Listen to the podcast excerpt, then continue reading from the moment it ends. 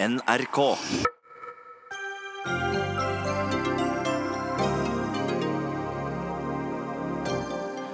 Etterretningstjenesten har gjort en dårlig jobb i Frode Berg-saken. Det sier en tidligere etterretningsoffiser til Dagsnytt 18. Ola Borten Moe trekker seg midlertidig som nestleder i Senterpartiet under etterforskningen av grise-SMS-en til Liv Signe Navarsete. Men er det vel anvendte ressurser å trekke inn politiet i en to år gammel sak? Forbrukerrådet manipulerer klagestatistikken for å stille noen bransjer i dårlig lys, mener Finans Norge.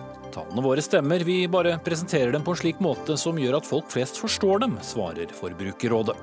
Og Kirkens Nødhjelp angriper Frp-forslag om å få antall flyktninger i Norge ned til null, og kaller det kunnskapsløst.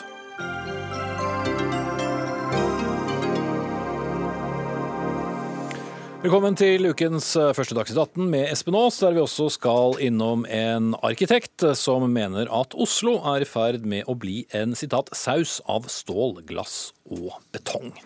Men eh, helt først skal vi til en sak som fikk litt av en ny vending i helgen, nemlig den såkalte spionsaken mot Frode Berg. For den norske etterretningstjenesten får nå sterk kritikk fra flere hold etter at det ble kjent at den tidligere grenseinspektøren i Sør-Varanger, Frode Berg, har sagt til sin advokat at han var på oppdrag for norsk etterretning. Russiske myndigheter har siktet nordmannen for spionasje, og han har vært fengslet i Moskva siden 5.12 og risikerer minst ti år i russisk fengsel. Ola Kaldager, tidligere etterretningsoffiser. Du sier til Dagbladet at den norske etterretningstjenesten fremstår som amatørmessig i denne saken. Kan du utdype det? Ja, hvis man Jeg tar et visst forbehold da, om at, om at det vi nå vet, er riktig. Det vet man jo aldri. Det er jo bare noen som har den fulle sannheten her, og det er vel russernes etterretningstjeneste, FSB.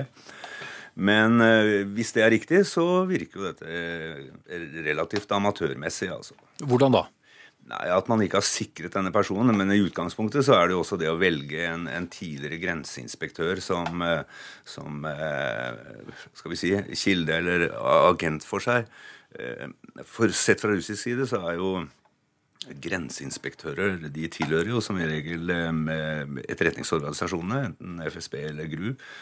Eh, og eh, på seg selv kjenner man andre, så de har vel eh, tenkt at siden han da har vært grenseinspektør, så er han også da etterretningsmann. Å bruke da en sånn person til å gjøre sånne jobber, det syns jeg høres fantastisk merkelig ut. Så du mener rett og slett utvelgelsen av Frode Berg, hvis han da har jobbet for norsk etterretning, var, var et feil valg? Ja, det kan man trygt si. Et katastrofalt valg, vil jeg kalle det. Din første reaksjon forresten da Berg ble pågrepet i Moskva, hva slags sak anså du det som? Da sier jeg trodde dette var et setup. Altså at det her eh, produserte eh, russisk etterretningstjeneste en sak for å ja, markere seg. Så, så, må man ikke ta dette ut av den store konteksten, altså, med alle disse utvisninger av russere. Alle eh, sånne trusselvurderinger går ut på at russisk etterretningstjeneste det er, eh, det er styggen selv. De opererer overalt. Og eh, her har jo russerne da fått en gavepakke, hvis dette er riktig, altså. Men det er ikke nødvendigvis bare russerne som for å sitere deg, opererer overalt? Nei. Det gjør alle. Alle land har jo sin etterretningstjeneste, og etterretningstjenestene de driver etterretning. Mm. Du blir med oss videre, Ola Kaldager, men Jon Arne Markussen, ansvarlig redaktør i Dagbladet. Hvor pinlig er denne saken for norske myndigheter, hvis han da var på oppdrag for dem? Den eh, er veldig eh, pinlig. Vi er jo stilt i forlegenhet, helt klart. Um, og jeg hadde vel også samme reaksjon som Kaldager da dette dukka opp, at dette må være et setup. Må, her må de ha en regi, og han er jo gått i en felle, og så videre. Men uh, etter hvert så tyder jo mye på at her er substans under dette her, uh, og de, at de har en sak. Um, så det er klart, dette er, dette er veldig, veldig pinlig, og jo, framstår jo som veldig amatørmessig. Du satt jo i dette studio for eh, ja, snart to måneder siden og sa at her må eh, norske myndigheter rette litt på sløret og si, si, hva dette er. Eh, er du fortsatt kritisk til norske myndigheters befatning, eller eventuelt mangel på befatning med saken? Ja, men samtidig er det helt klart, de, de har jo heller ikke noen lett oppgave. Du har å gjøre med en sak hvor du har en korrumpert, du har en ødelagt tjener for tjenesten som sitter fengsla i Russland. Og det er vanskelig for dem naturligvis å si noe som helst om det. Og nå er jeg sikker på én ting etter siste omdreining i går og i dag, at uh, nå vil de i hvert fall ikke si noe, og de, har, de vil helst ikke at, uh, at, at Frode Berg er en nobody, han er en ikke-person, uh, og dette vil man helst slippe å snakke om i det hele tatt. Ja, Apropos det, vi har eh, bedt både Forsvarsdepartementet og Utenriksdepartementet om å kommentere saken i studio i dag. Begge har eh, takket nei eh, til det. Men du sier også at du ikke er så overrasket over denne vendingen som saken da fikk i din avis i går. Hvorfor ikke? Nei, fordi at etter hvert som tiden har gått, så har man jo fornemma at her er noe substans i dette. Vi tror jo alltid vi har jo at, at russerne det det er noen luringer. De eh, holder på med sitt. Eh, og vi er de gode. Eh, det er klart vi driver også, heldigvis, med etterretning, for å si det sånn. Jeg føler på en måte at underveis så har vi skjønt at her måtte det være noe mer. Men vi vet jo veldig lite. Altså, Hvis det er slik Frode Berg forteller, og han har vært en budbringer, en kurer, så er det ikke sikkert at han vet så mye mer enn at kanskje starta det med helt, noe som han trodde var en troskyldig tjeneste. Kanskje han kommet under press osv. Det blir et større og større ubehag. og han, Hvis det er som riktig som vi har fått vite nå det siste døgnet, så vil han jo absolutt ikke på denne siste turen. Så vi, vi vet ikke enda den fulle og hele sannheten. Mm. Eh, Morten Jentoft, eh, vår korrespondent i Moskva. Hvordan endrer det saken at eh, Frode Berg nå har sagt det han eh, har sagt? Jeg tror ikke det endrer saken så veldig mye sett fra russiske myndigheter. Saken har i dag stort sett bare blitt referert til av russiske medier. Kanskje kan det gjøre det litt lettere for Frode Berg at han på denne måten legger kortene på bordet. Det skal han jo ha gjort eh, ifølge ubekreftede meldinger helt fra starten. Han har eh, innrømmet det at han har gjort, men at han ikke har visst hva dette innebar. Sånn at eh, det er viktig å skille her. Frode Berg sier altså at han har overlevert disse pengene, men han anser seg ikke skyldig i spionasje. Jeg snakket også med Frode Bergs advokat eh, Ilja Novikov her i ettermiddag. og Han la også stor vekt på akkurat dette. Man går altså ut med opplysningene nå om at eh, Frode Berg sier at han har gjort det han har gjort, altså at han har vært på et slags oppdrag for norsk etterretning, men han, innser, han anser seg ikke skyldig i spionasje. Men hva er det han selv mener at han har gjort? Bare utført en handling på, på, noen, på oppdrag fra noen? Ja, eh, det er jo det han har gjort. Han har vært altså en budbringer. Eh, kanskje har han hatt inntrykk av at dette ikke dreide seg om en full etterretningsoperasjon. At dette kanskje dreide seg om en som bare samlet inn eh, ikke graderte opplysninger. Det vet vi jo ikke detaljert om. Frode Berg sa jo til meg da jeg møtte ham i rettssalen 2.2, at han følte seg lurt. At han gjorde noe som han kanskje ikke visste helt hva innebar. Det er jo helt eh, tydelig. Men eh, eh, det som er kommet fram nå, bekrefter jo altså det som vi har visst tidligere. Dette har vært en eller annen form for etterretningsoperasjon. Så får vi se hvordan russiske myndigheter ser på Frode Bergs rolle midt oppi dette. Her er det jo også en russisk person som sannsynligvis er da hovedpersonen i, i denne operasjonen. Eh, til slutt, eh, Morten Jentoft. Eh, pågripelsen av Frode Berg skjedde på et tidspunkt da, som var altså før denne Skripal-saken i Storbritannia, hvor vi har hatt alle disse utvisningene av diplomater i etterkant. Kan det få noen påvirkning på akkurat denne saken? At den kan bli en, ja, si, en slags symbolsak? Det er vanskelig å si hvordan russiske myndigheter kommer til å se på denne saken politisk. Kanskje ønsker de å bruke denne saken for det den er verdt vise norske, eh, det norske folk at også norske, eh, Norge driver med etterretning i Russland. Og så kan da Russland, etter at det er felt en dom, vise godvilje overfor Russland og f.eks. sette fri eh, Frode Berg av humanitære årsaker, eller gå med på en eller annen form for utveksling med en eh, som er tatt for spionasje, kanskje ikke i Norge, men i et annet Nato-land. Det har vi jo sett eksempler på tidligere. Mm. Da sier vi takk til deg, Morten Jentoft. Og så skal vi vende oss til vårt studio i Kirkenes, for der er du, Rune Rafaelsen, ordfører i Sør-Varanger, altså Frode Bergs hjemkommune. Du sa til oss i desember at Frode Berg er ingen spion. Står du det fortsatt? Ja, det kan hende at jeg var litt rask på det som jeg sa, men det jeg tror Eh, situasjonen det er jo at eh, det, ikke, det viktigste er ikke at dette er pinlig for norsk E-tjeneste. Det, det, viktigste er jo at eh, situasjonen for Frode Berg er veldig alvorlig. Og at norske myndigheter, hvis de er delaktige i hans situasjon, må få han hjem så raskt som mulig. Mm. Det kan vi sitte litt lenger inne nå? Ja, det kan du si. Men det her er jo en politisk sak. Det er jo ikke en vanlig konsulær sak. sånn at maksimalt må jo gjøres fra norsk side for å komme i en dialog med, med Russland, så man får Frode eh, hjem. Eh, alvorlighetsgraden i det her og det som skjer, eh, altså hvem som har sagt hva osv., det, det er vanskelig også, også, for meg å bedømme. Men, men det er klart at den situasjonen han, eh, han befinner seg i nå, er initiert eh, antageligvis fra, fra norsk uh, offisiell side. Så, så, Det viktigste for oss nå det er å slå ring rundt familien og få Frode hjem. Mm. Men Hvordan reagerte du og for så vidt resten av lokalsamfunnet på nyheten som kom i Dagbladet i går? Nei, Jeg har jo vært kjent lenge når det gjelder den forbindelsen her. Men, men, men ja, det, hva var du vært kjent med? Nei, at, at, at det var altså en forbindelse med norsk etterretning. Jeg ble jo tidlig kontakta av, av, av, av, advokaten av Risnes. da, og, og, Han stilte da spørsmål om, om enkelte navn. Da og det er klart, da, da så jeg jo hva spillet det her var. Men, men, som sagt, det er ikke min oppgave. Det er den norske regjeringa som nå må ta ansvaret for det her. Men du var ikke så overrasket da nyheten kom?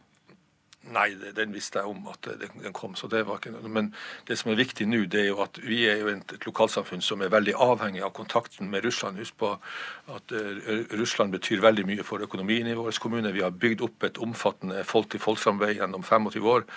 Og eh, Sånne her ting er ikke bra, og spesielt eh, hvis, det, hvis det er, man bruker folk som er veldig aktive i Barentssamarbeidet. Frode Berge var jo aktiv i, i, masse områder innenfor kultur, innenfor for, for kirkelig liv, innenfor sko, musikk, skolemusikk osv. Så videre. sånn at det at man bruker en lokal, eh, eller lokal person i en sånn her type operasjon, det er ikke bra. Tilbake til deg, Ola Kaldager, som er med oss fra vårt studio i, i Bodø. Jeg var så vidt innpå det med Morten Jentoft i sted, men kan også denne saken bli en symbolsak for russerne, i og med at de diplomatiske knutene mellom Russland og Vesten nå er ganske harde? Ja, det tror jeg. Og jeg tror det at dette går mot en litt sånn oppsiktsvekkende storstilt rettssak, hvor, hvor man sikkert vil prøve å bli så vestlig som mulig i selve prosedyrer og sånn.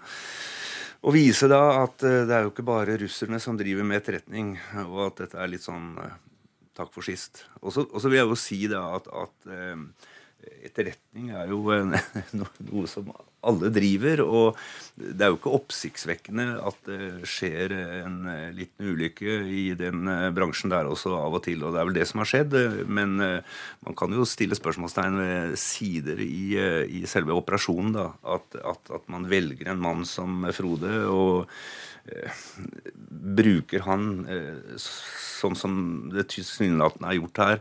Og så er det jo sånn at etterretningstjeneste vil jo aldri, aldri akseptere eller, eller, si at vi gjorde denne operasjonen. Så det, det, kan man bare glemme. Og sånn har det vært. Det er kutyme. Og staten Norge ville heller aldri si det. Men eh, politikerne, som ordførerne i Kirkenes sier, det er jo det, de som har ballen nå. Altså, dette er en uh, politisk sak etter hvert. Ja, det skriver du også, Jon Arne Markussen, i, Dagbladet, at uh, nå blir denne saken tiet i hjel. Og Frode Berg er vel langt på vei, i hvert fall offisielt sett, på egen hånd? Ja, eh, han kommer til å bli tida i hjel. Eh, men det vi kan være helt sikre på, det er som Kaldager er inne på, at her har russerne en, eh, legger de opp til en skikkelig rettssak med en kommunikasjonsstrategi. Men det er klart, i Norge så bør det bli en debatt om dette. Og det er riktig som Rune Rafaelsen sier, her må politikerne engasjere seg. Tenk på det at etter U2-skandalen i 1960 så ble ikke saken engang granska politisk. Hallo, dette må man se nærmere på. Og De historiske linjene trekker du også din artikkel i dag som et, eh, ja, noe ikke som bør gjentas? Ja, det, det, det, er jo visse trekk da som ligner, og det er jo simpelthen dette med å bli stilt i forlegenhet. Mm. Eh, Kaldager, hva slags skjebne tror du venter nå Frode Berg fremover? Jeg tror han eh, blir dømt da, til et eh, x antall år i eh, fengsel. Og så er det opp til norske myndigheter å finne en eller annen løsning.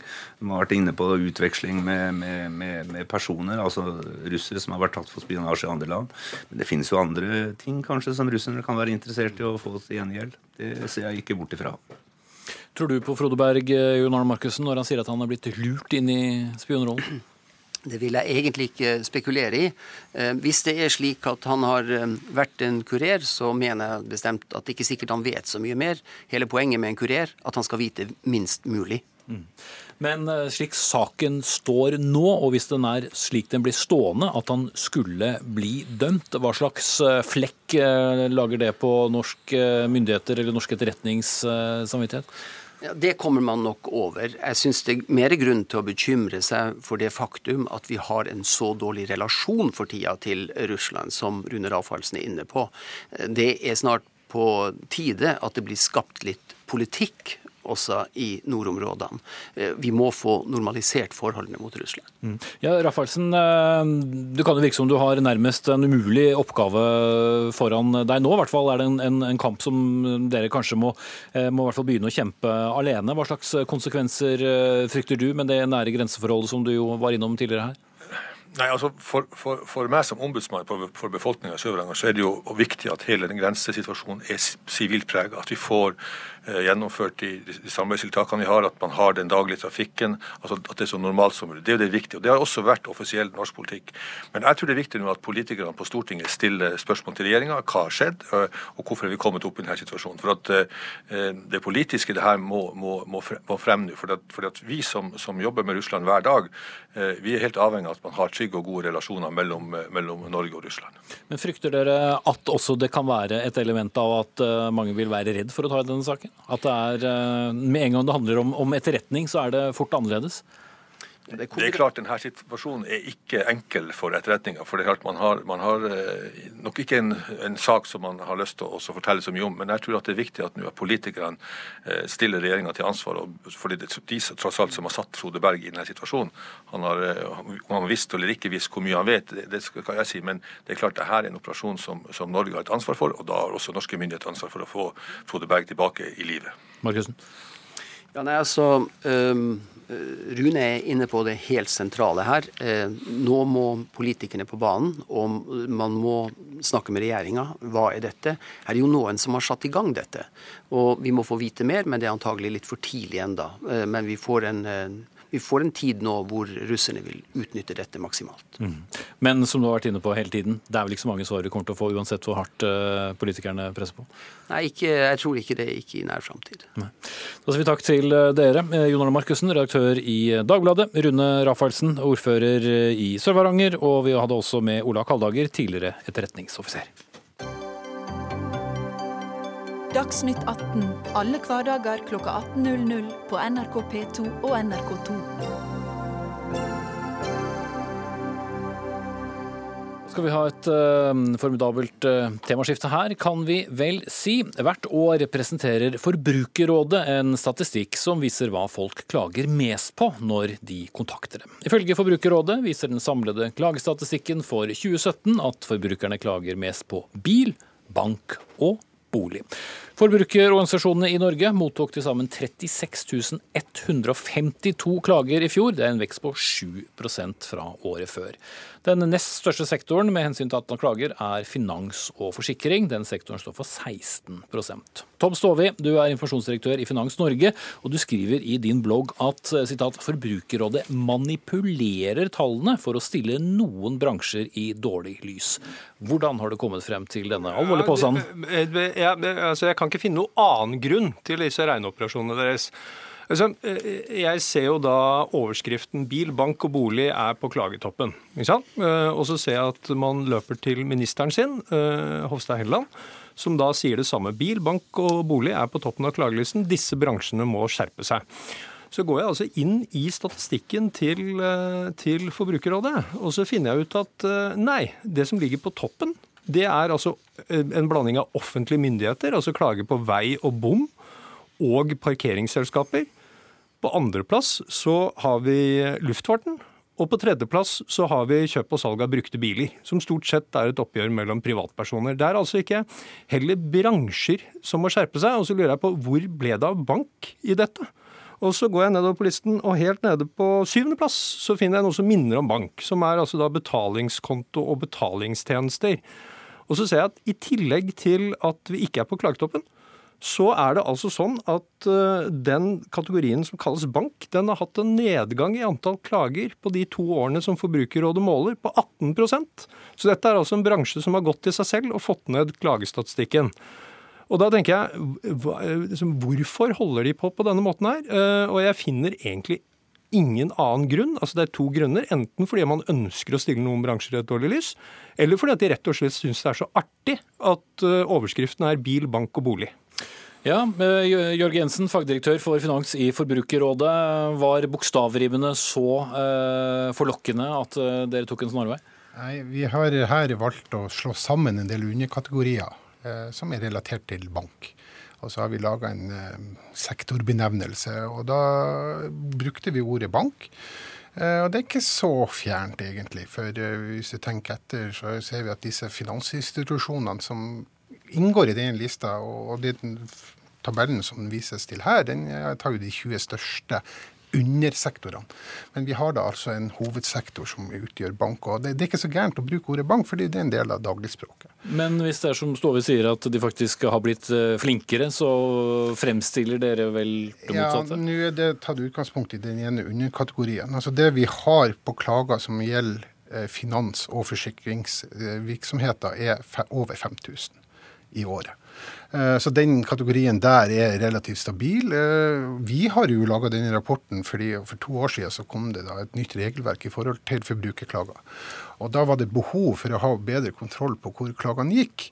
Og siden 2016 da, så har vi hatt dette regelverket, og vi har laga disse to rapportene som kommer. Så du står for de tre b-ene? Ja, ja, altså det er jo bare spørsmål om hvilken overskrift du velger å bruke på en sektor. Mm. Pro altså problemet med dette det er jo at eh, det er uh, denne måten dere selger inn uh, uh, tallmateriale på, det er altså en veldig omtrentlig måte å gjøre det på. For det første så sauser dere inkassovirksomhet sammen med det dere kaller bank. Det, det er ingen banker i Norge som driver inkassovirksomhet. Og fordi, og fordi at dere sauser dette inn i denne kategorien, så får dere da til at denne kategorien har en vekst i antall klager på 11% fra 15 til 17 Sannheten er, hvis vi skiller ut eh, inkasso og fortsatt bruker det du insisterer på at skal være en kategori bank, ved å slå sammen absolutt alt som er forsikringsklager, og kalle det bank, ja, så har faktisk finanssektoren en nedgang i antall klager på halvannen prosent. Men jeg er egentlig ikke her eh, og gråter for min syke mor, eh, noe dere da ettertrykkelig har sagt i avisen i dag, at jeg må være sår, har jobbet for lenge i finansnæringen osv. Jeg er her altså som en representant for norske forbrukere. Og, og, det er sånn at vi betaler, Det offentlige Norge betaler dere 160 millioner kroner i året, og da må vi kunne forvente at dere holder faktaene deres straight. Vi kan ikke drive og sause sammen den ene kategorien med den andre. Og så lurer jeg litt ja, ta, på... Vi tar ett spørsmål av gangen, eh, Stovi, for det, det, er interessant det du trekker frem der. Ta den biten som eh, han uh, drar frem med, med inkasso. Er det riktig, eh, altså, som han sier? Hvis du tar med inkassotallene, og igjen, rapporten er laga for at vi skal ha kontroll på hvordan forbrukere klager. Og Hvis vi ser på hvor inkassoklagene håndteres, så håndteres det i samme organisasjon som tar bank og forsikring og finans. Så hvis vi tar med inkasso, så har vi 5007 Mens banker ikke driver med finans, som man sier? Ja, nå er, det tatt utgangspunkter i hvor klagene kommer, og Finansklagenemnda inneholder også inkassoklager. Men så må jeg bare understreke, for jeg nevnte det så vidt, ja, Sparebank1 er i et inkassobyrå, men, men det, er ikke, det, er ikke, det viktigste. Men, men hvis banken ikke gjør det, er det ikke litt rart å ha inkasso under kategorien bank? Jo, altså Personlig vil ikke jeg gjort det, men dette er en måte å kategorisere det på. Eh, men vi har fortsatt 5000 klager som gjelder uomtvista finansinstitusjoner. Type forsikringsselskap, banker og forvaltningsmiljø. Og jeg må jo bare understreke at de største bidragsyterne til Finans Norge, og dermed også Tom Tove sin lønn, er jo en virksomhet som heter DNB, som kaller seg sjøl for bank fra A til Å. Vi har Nordea, som kaller seg for Nordens største bank og Sparebank1, da, som har bank til og med i navnet. sånn at vi velger å bruke begrepet bank som en sektorbenevnelse. Det er ikke helt fjernt. Sorry. Dere velger altså å bruke dette og sause til de tallene som er ganske nyansert i deres egen rapport. Det er det jeg reagerer på. Eh, På toppen av klagelisten, jeg sier det igjen, der er offentlige myndigheter, vei, bompenger og parkeringsselskaper. Så kommer flyselskaper, så kommer brukte biler, så kommer leie av bolig, så kommer noe dere kaller boligforsikring, som egentlig er skadeforsikring, så kommer håndverkertjenester, og så kommer det noe som minner om bank. Eh, Og, dette, og Jeg skjønner ikke hvorfor dere skal slå sammen disse kategoriene, sånn at dere kan gå og kalle noe bil. Når du går til din minister og sier at bil, bolig og bank er verstinger, hvordan skal din minister tolke bil, bolig og bank? Jeg tror de fleste tolker bil som bilselgere, bolig som boligmeglere og bank som bank. Eh, Men, det, men dette boligbegrepet ditt for eksempel, det er sauset sammen med boligforsikring, leie av bolig mellom privatpersoner osv. Det samme med bil. Hvorfor kan dere ikke bare nyansert og skikkelig fortelle om de tallene som dere faktisk har presentert? Og så har jeg Jensen, vi tar Ja. eh, Vi tar- ett moment av gangen. Ja. Nei, altså Grunnen i dette det er jo for å gjøre formidlinga enklere. Eh, Det Men ikke, det blir ikke misvisende? Jo, altså Hvis du leser rapporten som statsråden her har bestilt, så står det gjennomgående Eh, også i tabellverkene hele veien videre så står det finans og forsikring. Sånn at det er ikke, det er ikke en sånn tåkelegging. Vi har jo ingen interesse i å, å liksom sverte noen bransjer fremfor andre. Det greier ikke å se hva som skal være grunnen. Eh, det har jo- Men hvorfor er ikke offentlige tjenester det, Jeg tror mange kanskje ville synes det var interessant å vite at det var på klagetoppen. Ja, Du begynte nei, ikke på B? Men, nei, det er ikke, det er ikke en, bare en bokstavlek her. Dette er en systematisering. Og igjen, vi laga denne rapporten for å få kontroll på hvor klagene kommer, og til hvilke ins- ins- institusjonene kommer til. Og da gir disse kategoriseringene her mening. Jeg har et par andre innsigelser til denne rapporten òg, hvis jeg kan få lov. Eh, Det må være veldig Ja, kort, for vi veldig går kort. eh, Eh, mot slutten. Ja, det er altså Jeg, jeg ble så nysgjerrig at jeg har gravd meg videre ned i dette tallmaterialet. Eh, og det du beskriver som klager fra denne finansklagenemnden, som da har eh, banker, forsikringsselskaper, inkasso i seg, de har levert inn jeg så på årsrapporten deres, de har levert inn cirka, eller nøyaktig 5282 klager til dere i år. I rapporten her så fremkommer dette som 5782.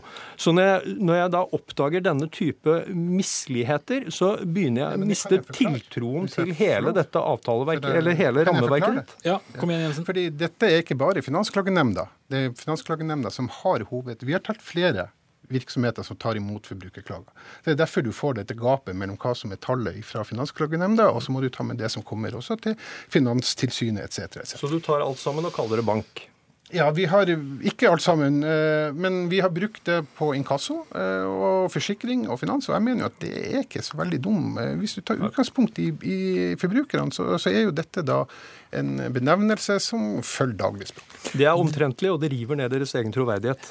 Det er eh, alltid en rapport som får mange oppslag i nesten alle landets aviser, eh, radionyheter, TV-nyheter når klagetoppen kommer. Eh, Blir det samme kategorisering i rapporten for 2018? Altså, vi er jo ikke gift med denne måten å kategorisere på, men den som vi har valgt, gir jo mening for oss, og det gir mening for bruksområdet til rapporten. Det gir ikke mening for noen andre. Men Ståvik, nå har du eh, brukt Dagsnytt 18 til å, å fremføre din klage. Er det noe annet du har tenkt å gjøre i denne saken, eller blir det Jeg har i hvert fall tenkt å gå gjennom disse tallene veldig nøye. fordi at eh, jeg stoler rett og slett ikke lenger på eh, det tallmaterialet som kommer her. Og så har jeg tenkt til å fortsette å utfordre forbrukermyndighetene i Norge, eller Forbrukerrådet, med at de skal bli mer nyanserte, mindre omtrentlige, og forsøke å presentere noe som gir mening for oss. For det vi virkelig Det er det trenger gjør, sier han. det er, Nei, han gjør ikke det. Vi For det vi, det vi virkelig trenger er ja men, det, ja, men hvem- ja, hvem har du laget den for? Dette er bestilling fra regjeringa for å få oversikt over klageutviklinga i samfunnet. Men du går ut med pauker og sånn at- basuner og forteller om noe som ingen kan forholde seg til. Ingen skjønner hva bil, bank og bolig er. Jeg må sette strek der. Takk skal dere ha, mine herrer. Tom Stovi, informasjonsdirektør i Finans Norge, og Jørge Jensen, fagdirektør for finans i Forbrukerrådet.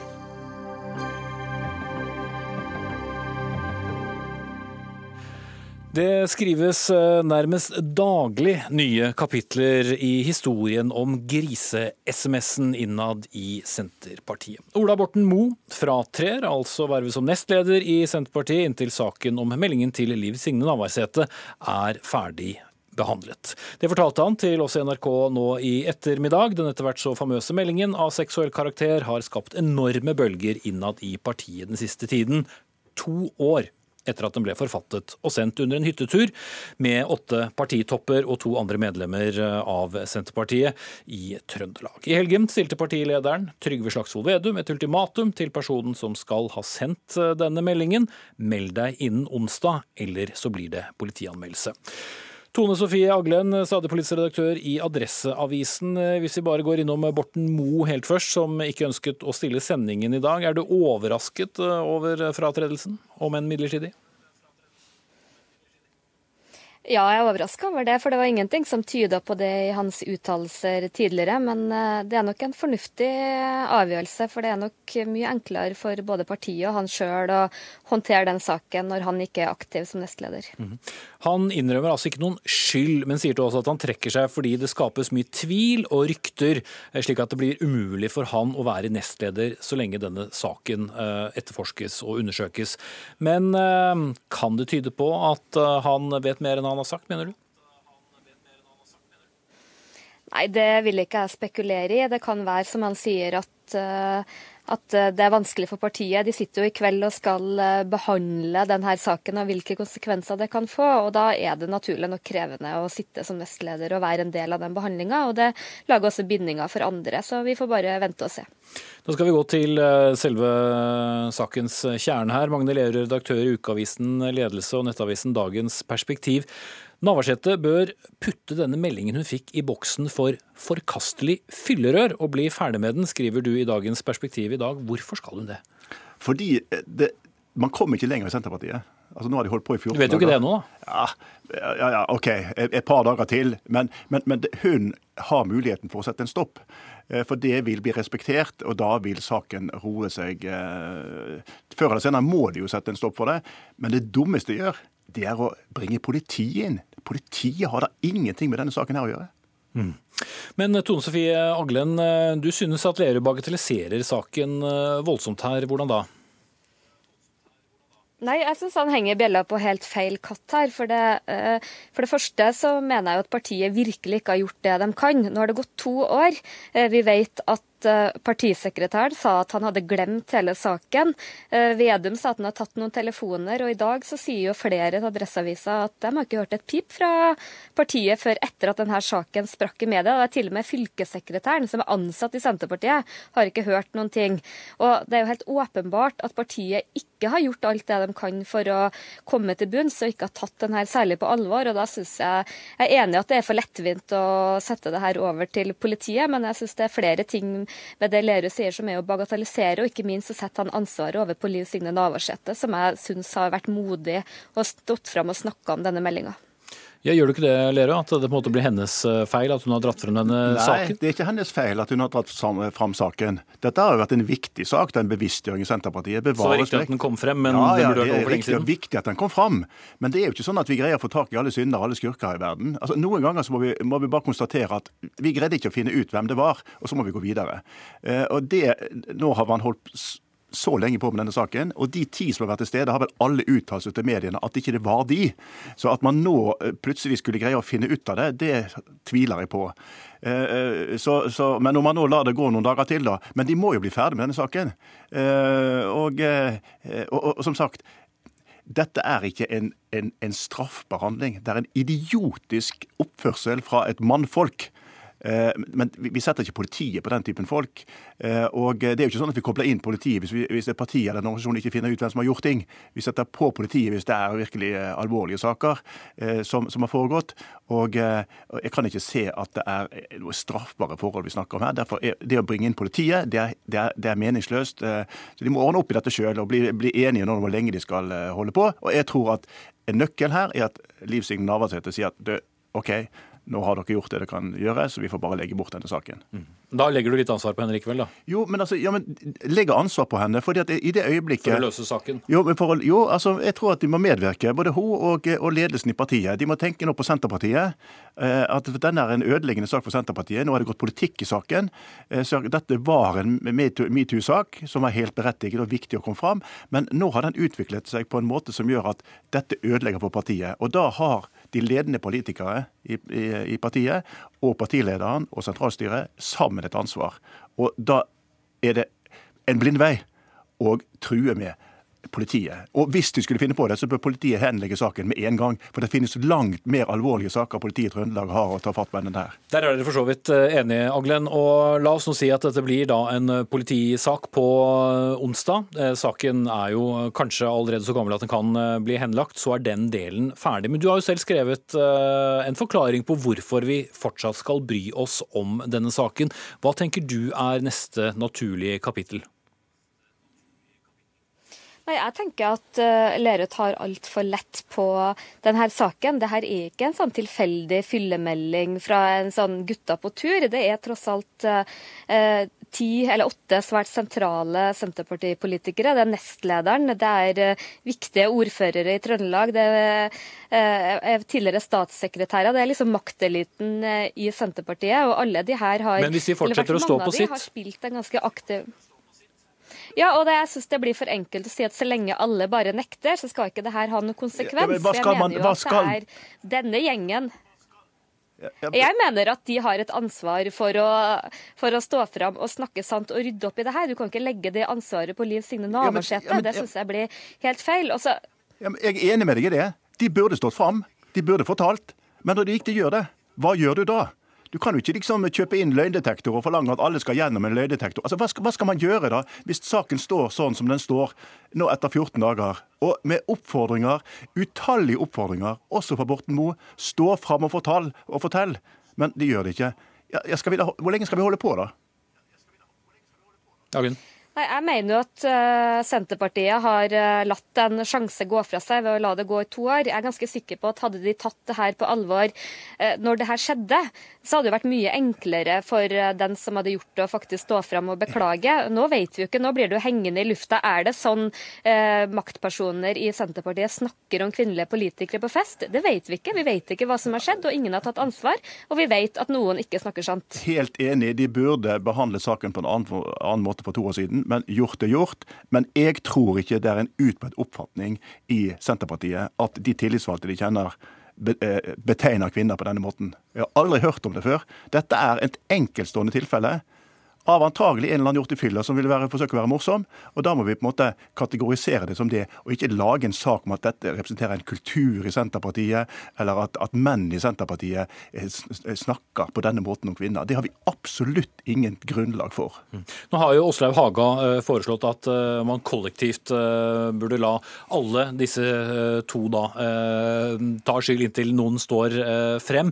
Men det faktum nå, Aglen, at Borten Moe trer ut av sin stilling midlertidig, øver ikke det også et visst press på de andre, dersom det er en, eh, en felles interesse at dette partiet kommer seg i gjenge og begynner å drive politikk igjen? At noen sier at OK, det var, det var jeg og, og den og den, hvis ikke personen var alene?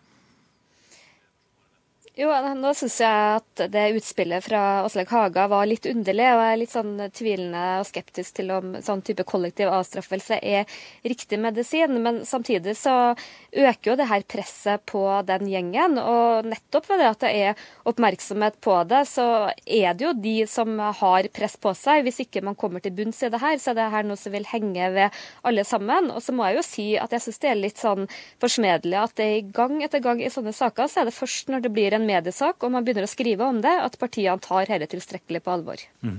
Du har jo eh, vært innom eh, tidligere også at du mener denne mm, SMS-en har en, en forhistorie, bl.a. fordi Borten Moe og Navarsete lå i bitter lederstrid eh, noen år tilbake. Mener du det fortsatt ligger som en del av saken?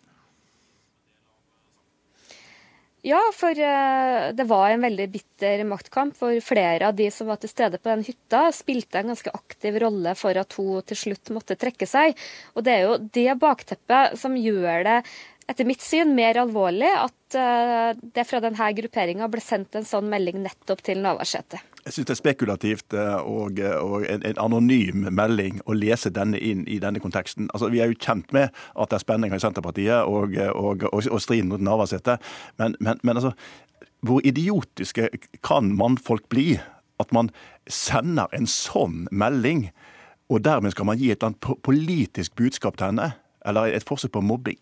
Altså, jeg tror rett og slett ikke den, den, den, disse ti mennene er så håpløse som de beskrives som her. Jeg tror de rett og slett oppfører seg som en del malfolk gjør når de er skikkelig fulle. så Gjør man en del dumme ting, Eh, og det angrer de på. Men nå er dette blitt en så gedigen sak at du greier ikke å innrømme den tabben du gjorde. For nå har du latt det få gå for lang tid, og nå blir du en folkefiende. Du kommer til å bli hengt ut i mediene i lang, lang tid, og det står altfor mye på spill nå for den som nå melder seg. Altså, Vi mennesker skulle gjerne vært annerledes, men vi er ikke helt sånn som vi burde være. og Derfor så tror jeg at ikke vedkommende kommer til å melde seg. Det er i hvert fall et uh, forfatterskap som uh, mange lurer veldig veldig mye på. Om vi får svar på hvem som sto bak uh, de få ordene, gjenstår altså å se. For ordens skyld, vi har også invitert Senterpartiet til studio i dag. De takket nei. Takk til Tone Sofie Aglen, politisk redaktør i Adresseavisen, og Magne Lerøe, redaktør i Ukeavisen Ledelse og nettavisen Dagens Perspektiv.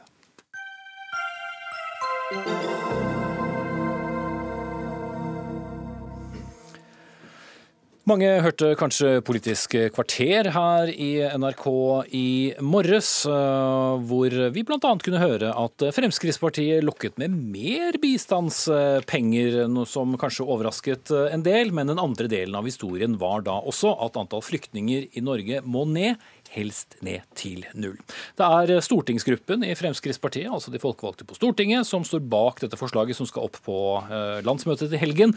Og blant de som reagerer hardest, er Kirkens Nødhjelp og Lisa Sivertsen, leder for politikk og samfunn der. Dere kaller dette forslaget kort og godt for kunnskapsløst. Hvorfor? Det er kunnskapsløst fordi det, forslaget ser jo bort fra det faktum at eh, det allerede er nærområdene, de såkalte nærområdene, som tar den største byrden. Eh, og som huser 84% av dagens eh, flyktninger. Og nærområdene, det er et interessant begrep. Det er jo stort sett land som er fattige, og som også er, som sliter med konflikt og krise. Så det er land som f.eks. Uganda, som i fjor tok imot én million flyktninger fra Sør-Sudan. Det er land som Kongo, som i dag Eh, mottar flyktninger fra mange land. Eh, det er Libanon, eh, som har tatt imot 1,5 million flyktninger. Og det er et lite land med en liten befolkning. Så vår erfaring, vi som jobber i de landene, det er at kapasiteten er sprengt på bakken.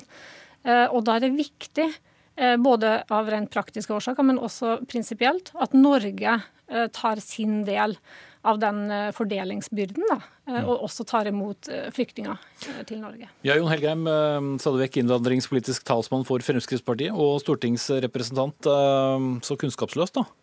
Nei, det syns jeg absolutt ikke det er. Det overrasker meg litt, den argumentasjonen her. For en del av at kapasiteten er sprengt, er jo fordi at eh, UNHCR, altså FNs organisasjon for flyktninger, de får jo ikke inn i nærheten av de midlene de ber om for hjelp i nærområdene. Hvis det er sånn at de fleste nære, eh, flyktninger er i eh, de såkalte nærområdene, som det sies her, og som helt sikkert er riktig, ja, så krever jo det enorme ressurser. Og de enorme ressursene kommer jo ikke. Nettopp fordi, eller annet fordi, vi bruker så store ressurser på eh, flyktninger i Europa. Altså, vi bruker 135 eh, eh, ganger mer penger på å hjelpe relativt få flyktninger i Europa.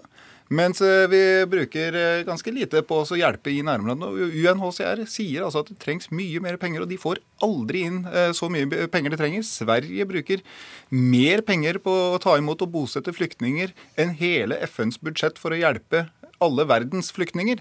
Eh, og det henger ikke på greip. og dette er det virkelig ikke bare Frp som har sett, men det som overrasker meg, er liksom viljen til å gjøre noe med det. Og det, eh, Vi trenger ikke å si at det, det, skal være null flyktninger. Vårt forslag er veldig fleksibelt og sier det at ja, klarer vi å spare inn fem milliarder på mottak og bosetting av flyktninger i Norge, så vil vi gi de fem milliardene til hjelp i nærområdene, hvor vi kan hjelpe i hvert fall 30 ganger flere, og helt sikkert enda uh, flere enn det også. Sånn at hvis målet er å hjelpe flest mulig, så må vi legge om politikken og redusere hvor mange vi tar imot i Norge, og hjelpe i nærområdene. Og okay. Det er virkelig ikke kunnskapsløst. Altså. Uh, Sivertsen, er du enig i regnestykket til Helgeheim, at du får en langt mer utnyttelse for pengene dersom du bruker dem i nærområdene, fremfor eh, da i Norge, med det som er kostnadsnivå og personer involvert? Det er jo ingen tvil om at kostnadsnivået er høyere i Europa enn det er i Sør-Sudan f.eks. Men eh, eh, for oss som jobber der, så ser vi at det, det her er helt urealistisk. Det går ikke. Eh, sånn at det her er fattige land som er virkelig oversvømt av flyktninger, som står oppe i en flyktningkrise som vi ikke har opplevd. i Men hvis du Europa pøser ut mer penger, hva skjer da? da? Eh, Altså, jeg tror fortsatt det vil være sånn at det omfanget Vi har 65 millioner flyktninger i verden, og nesten alle eh, beveger seg mellom fattige land eh, i nærområdene. Eh, vi eh, vet også at noen av de flyktningene har spesielle beskyttelsesbehov. Eh, de trenger å komme seg ut. De kan kanskje da ikke få den beskyttelsen i et land som Pakistan eller i et land som Iran. Eh, Så Norge har et spesielt ansvar for de menneskene som har spesielle beskyttelsesbehov.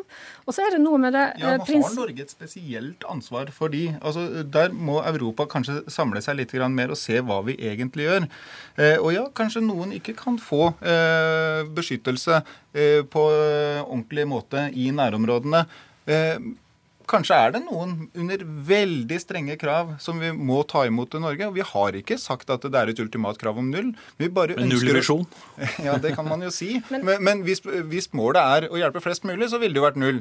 Men uh, her har man da en stor uh, fleksibilitet i hvordan man vil gjøre det. Man har både en fleksibilitet på hvordan man vil hjelpe i nærområdene. Så har vi egentlig kommet nå med en ganske raus finansieringsplan uh, på hvordan man kan løse det.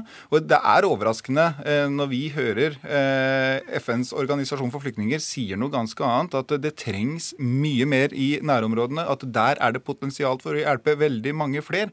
Og så er det plutselig feil måte å hjelpe på. Det, det er eh, Ok, Det virker litt kunnskap. FNs eh, høykommissær for flyktninger har også sagt at Norge må ta imot en, altså sin andel Ja, vi. av kvoteflyktninger, eh, og, og gjerne flere.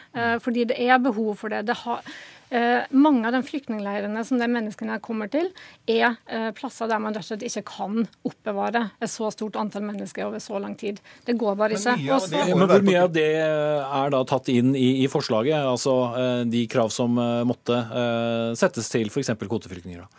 Nei, altså, vi må heller ikke glemme at vi har hensyn i Norge å ta også. Eh, Det finnes en grense på kapasitet i Norge, og velferds... eh, Jo, men den, den delen som går på kvoteflyktninger og eh, internasjonale forpliktelser, det kan vi jo ikke sette hele siden. Vi har ikke noen internasjonale forpliktelser om å ta imot kvoteflyktninger. Det har vi virkelig ikke. Og jeg har nevnt Danmark som et eksempel, som tar imot null kvoteflyktninger i dag. Sånn at her står man fritt til å velge hvordan man vil velge selv. Og jeg har selv vært hos UNHCR, jeg. og de sier jo da når vi besøker dem, at Norge er et av de landene som gjør litt av alt, eller gjør ganske mye av alt. Og det er vel og bra, det. Men, men den er ikke bærekraftig, den utviklingen vi har i Norge. Og vi hjelper bare noen få i forhold til det potensialet vi har for å hjelpe mange flere i nærområdene. Så jeg mener jo at dette er et veldig raust forslag. Jeg er litt overraska over mottaket det har fått, hvor man peker på Ser du ikke rausheten her, eh, Sivertsen? Du vet du hva, Jeg syns det er fantastisk at Frp signaliserer at man ønsker å øke støtten eh, til det humanitære arbeidet i nærområdene. For behovene er helt enorme. Det er veldig bra.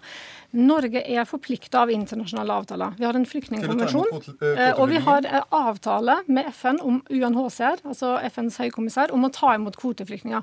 Og eh, Du har sagt at de er fornøyd med norsk innsats. Eh, Vi vet jo også at de har sagt at de er skuffa over den forhandling, altså at Norge ikke vil ta imot flere kvoteflyktninger. Hvis Norge skal begynne å bryte internasjonale avtaler, så er jeg veldig bekymra for flere ting. Ja, det er- Det er virkelig ikke å bryte internasjonale avtaler. Mener du at Danmark bryter si nei til flyktninger, da? Og- Jo, men bryt, er, er det snakk om å si nei, eller er det snakk om å bryte avtaler? Ja, Vi bryter jo FNs uh, flyktningkonvensjon hvis vi ikke tillater flyktninger inn i Norge. Seg, man forplikter seg for kort tid av gangen for hvor mange kvoteflyktninger man skal ta imot. Og I 2016 så sa Danmark eh, stopp, vi skal ha en pause på ubestemt tid på mottak av kvoteflyktninger. Og Det er da ingen, eh, virkelig ingen som går nå og vil sanksjonere mot Danmark fordi de bryter internasjonale avtaler. Man kan fritt velge selv om man vil ta imot kvoteflyktninger. Poenget mitt er at det, vi vil faktisk eh, være såpass rause at hvis vi skal kutte, hvis vi skulle sagt noe sånn som eh, Danmark, hvis vi skal redusere, så skal vi fortsatt hjelpe. Og bruke den reduksjonen, sparte kostnadene i Norge, på å hjelpe i nærområdene.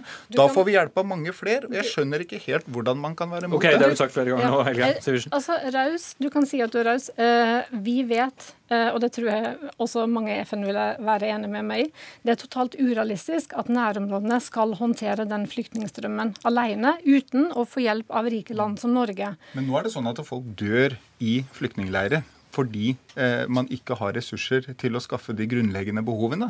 Det er Det også synes vi også sånn er at eh, man eh, flykter igjen bare stille et tilbake til siste Syria. spørsmål, Helgen, Helge, for Det kom en ny tall i dag også, som viste et rekordfall i eh, innvandringen til, eh, til eh, Norge. Eh, Det har lite med flyktninger og, og asylsøkere å gjøre. eller Asylsøkertallene har jo gått kraftig ned de siste årene.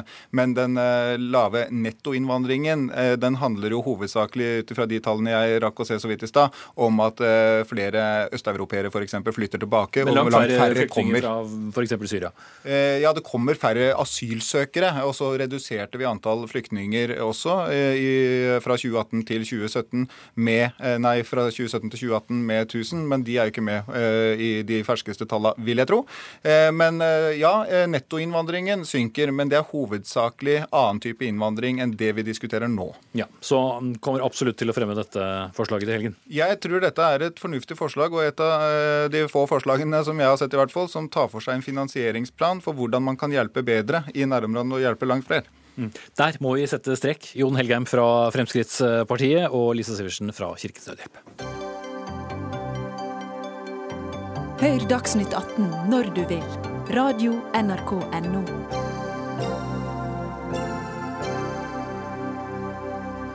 En eh, grå mur reiser seg i Norges hovedstad. Nei, det er ikke norsk Berlinmur, men rett og slett de grå bygningene av glass, stål og betong som reiser seg i Oslo og i enhver norsk by som driver med utvikling. Ikke minst er dette synlig i den nye bydelen Bjørvika i hovedstaden. Og det er ikke bra verken for trivsel eller lokal forankring, mener du, Dagny Turman Moe, som er fargedesigner. Eh, Hvordan, Forklar oss hvordan du ser eh, Bjørvika.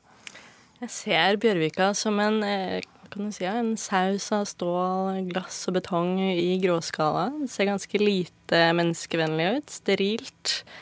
Kaldt. Ukoselig. Ja, og For uh, våre lyttere og seere som trenger litt hjelp til å orientere seg, så er det altså hele området rundt der hvor Den norske opera ligger, og som dere sikkert har sett uh, mange ganger uh, i det siste. Men gjør det noe, Turbano? Det er jo det det gjør, da. Eh, det er jo eh, Kan du si det? Paradegaten i nye Oslo. Det har vært lagt utrolig mye midler i utviklingen av dette området. Og det det ser ut som, er noe helt generisk, som egentlig kunne vært hvor som helst. Jeg savner det norske kulturlandskapet og referanser til Oslos lokale identitet. Så hva ville du sett da, rent konkret? Jeg ville sett historiske farger som vi ser på den omkringliggende arkitekturen. Eh, At vi kan tolke de på nytt igjen, skape en bro mellom det eksisterende og det nye, og dermed skape et mer harmonisk og vennlig byrom. Ok, Alexandre Algaard, eh, som er president i Norske arkitekters landsforbund. Kjenner du deg igjen i beskrivelsen av f.eks. Bjørvika? Ja, altså vi På mange måter dette med å lage helt nye byområder er norske Altså Norge er litt ny i det. Eh, Den første fortettingsbølgen har vi liksom eh, lagt bak oss. Eh, Og jeg opplever at eh, de siste årene så har det vært en veldig økende bevissthet omkring at byområdene er jo og arkitekturen danner rammen om folks liv. Det har mye å si for livskvalitet. Og Det som påpekes her, det er jo en, en følelse av at eh, bymiljøet ikke er inviterende. Det er ikke et trivelig sted å være. Og det er jo veldig dårlig. Eh, fordi gode bymiljø, eh, det henger sammen med Altså, de må eh, stimulere hele sanseapparatet. Og da er farger en viktig ingrediens. Men òg eh, hørsel og og, og taktilitet, altså følelsen av tingene. Altså, hele sanseapparatet er det viktig å få med. Men får du den samme begredelige følelsen når du ser bygningene? Ja, man kan jo kalle det ganske homogent. Eh, eh, i noen grad. Eh, og så tenker jeg òg at eh, Bjørvika er jo et, eh, et bilde av sin tid. Altså, Vi er i en periode hvor, eh, og har vært i en periode hvor det generiske og det globale liksom har spilt seg ut òg innenfor arkitektur. Sånn at man kan ikke alltid se forskjell på om noe er i Oslo eller om det er i Shanghai. Mm. Ja, og Det er også uh, litt av poenget ditt, uh, Turman. Hvorfor det skjer ikke bare i Oslo? La oss berolige den delen av uh, lytter- og seerskaren som nå tror vi har en lokal debatt. For dette ser du andre steder, bl.a. i Norges eldste by, Tønsberg. Ja, det er jo veldig synd å se hva som har skjedd med bryggemiljøet der nede. Hvor de har trehusbebyggelsen på den ene siden, og så ser du inn i noe som ser ut som en slags billigversjon av Barcode på andre siden. Så følelsen og stemningen Tønsberg en gang hadde, den har forsvunnet egentlig og blitt erstattet med noe stedsløst. Mm. Eh, du er også inne på det, Agar, og du ser det i veldig mange byer. Det er betong, stål og glass. Hvorfor er det plutselig blitt det materialet som nærmest symboliserer en, en moderne metropolsk eh, storby? Ja, altså, Det er jo tre byggematerialer, og så har vi andre byggematerialer òg. Eh, Men ser ikke de så ofte? Eh, jo, jeg syns man ser en ganske stor bredde av materialer. Og, og eh, jeg tenker at det er litt sånn som med mote, egentlig. At i dag så er alt mulig. Du kan gå med vide bukser eller smale bukser eller høye og lave sko alt mulig. Og det er litt det samme innenfor arkitekturen. Vi har ikke en, har ikke en tidsstil man, eh, som man hadde for 200 eh, år siden, hvor man holdt seg til den spesifikke stilen. Uh, og det gjør jo at uh, innenfor arkitektur og bygninger så, så er det òg uh, ulike fascinasjoner. sånne eksempler som det du refererer til i Tønsberg, det har man jo sett i mange norske byer. Og jeg, jeg opplever at det begynner å komme en motreaksjon hvor man f.eks. begynner å se på å bruke tre mer. Eh, særlig sånn de tradisjonelle trehusbyene, så kommer det opp nye fortolkninger av ny arkitektur, men med tre som passer inn i konteksten, men helt moderne formspråk. Mm. Hvor mye ansvar er dere arkitektene her, da? Arkitektene har et ansvar. Eh, men det er klart at det der med grå, hvis vi skal komme tilbake til det, det er jo en enorm trend som altså Jeg, jeg så, så, en statistikk. altså I 2015 så var 80% av solgt maling hvit eller grå nyanser. Og Det sier jo noe om at den trenden har på en måte blokka ut eh, eh, alle andre trender når det kommer til malingsvalg. da. Men det vi kan si er utfordringen med dette, da, på eh, større bygninger, altså de som eh, bygges i Bjørvika og i Tønsberg og i Tromsø og i Trondheim i dag, er at de bygges i materialer som ikke er overmalbare. Eh, så de blir stående i overskuelig fremtid med sin dystre fasade. Og det vi vet, er jo at de som maler hjemmene sine innendørs i grått, de maler om igjen etter tre til fem år, fordi Men det er vel dette mest utendørs, og ja. vanlige norske hus har vel en tendens til å være relativt lyse og hvite og grå og så videre fargene? Hvis vi skal se historisk sett, så har fargene som har vært mest populære i Norge, vært rødt og gult frem til år 2000. Da skjedde det et brudd og en endring. Eh, og den fargepoken vi er inne i nå, har vart i nesten 20 år og kommer til å bli overtatt av noe annet. Mens interiørene kan males over ganske enkelt. Også i hus som er bygget i treverk, så kan ikke de store konstruksjonene i Bjørvika endres på når denne trenden er over. Eh, og det er en utfordring. Mm. Og blir da stående som, eh, sikkert i veldig mange år, som da et slags symbol på, på den tiden. Ja, eh, men så er det jo eh, Altså, farge er én ting, eh, og vi må jo se på eh, totaliteten i det som lager et bymiljø. og Det handler jo om andre ting enn bare fasadevalgene. og det, Der har man jo òg et stykke å gå med å planlegge enda mer helhetlig, nettopp for å legge til rette for omgivelser hvor folk trives. For det er jo i byene og i gatene at mennesker skal trives. Mm. Eh, og det kan jo likevel bli en del av eh, enten det er Tromsø, Trondheim, Tønsberg eller, eller Oslo, at selv om byggene er eh, så lyse, så er det, er det håp for miljøet ellers. Dagny Turmamo? Ja, vi får se, da. Er, hvis vi ser på Bjørvika, så er det veldig lite piazzaer f.eks., eller små områder hvor man kan sette seg ned og slappe av. Men jeg, jeg vil jo si at fargene er det første du ser, og det første Eh, underbevisstheten din oppfatter eh, eh, når du er ute og går i bymiljøene, og når du også har denne, dette overforbruket av stål, glass og betong, som vi vet øker stressnivåer og puls. Um, Må stoppe deg der. og Det er sikkert noen som nå fristes veldig der hjemme til å lage noen paralleller til fargevalget i studio, men vi må i hvert fall si takk for oss for i kveld. Ansvarlig for sendingen Dag Dørum, teknisk ansvarlig Eli Kyrkjebø. Her i studio, Espen Aas.